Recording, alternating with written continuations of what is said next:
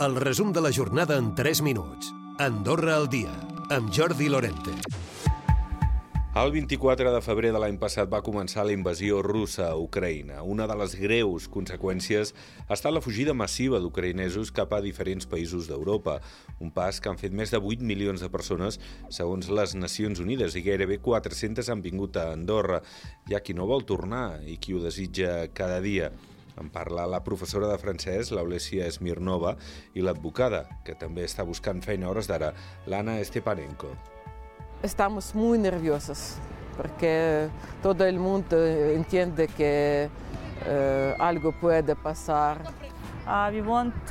Volem tornar a Ucraïna, ja que molta gent, com ara amics i família, estan allà. Andorra és un lloc pioner per a molts emprenedors i els nous models d'empresa. Per això, arran de la pandèmia, ha acollit molts més professionals del sector digital.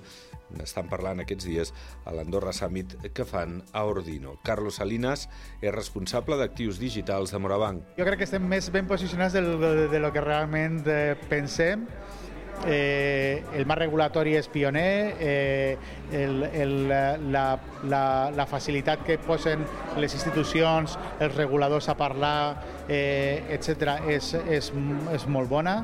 El tancament del viaducte del carrer Doctor Vilanova d'Andorra la Vella no provocarà problemes de trànsit, ho asseguren el govern i el Comú. Les obres començaran dilluns i tindran un cost de prop de 2 milions. Són necessàries perquè la via té prop de 50 anys i necessita una rehabilitació. Víctor Filloi, ministre d'Habitatge i Territori en funcions. El Departament de Mobilitat, amb els estudis que té sobre la taula, considera que tampoc creiem que tinguin massa massa afectació, perquè és una xarxa de connexió que tenim eh, superada per altres vies, com pot ser la baixada del Molí o la Rotonda. No? El que sí que farem és estar molt atents doncs, a aquesta qüestió. El 13è Saló del Videojoc espera uns 4.500 participants en aquesta edició que recupera la normalitat després de la pandèmia, però no les expectatives de rebuda de públic, que abans de la Covid-19 arribaven a 6.000 persones. Enguany han canviat l'ubicació a causa de les obres al Prat del Roure.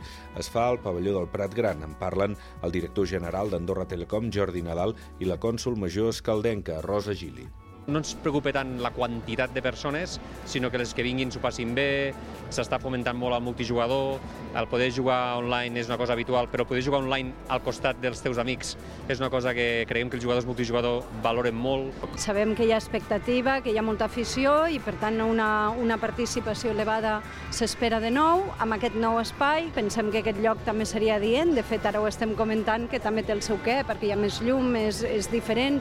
El Saló del Videojoc es farà fins diumenge i detingut un home de 35 anys per amenaçar de mort la parella mentre la perseguia per la carretera General 2.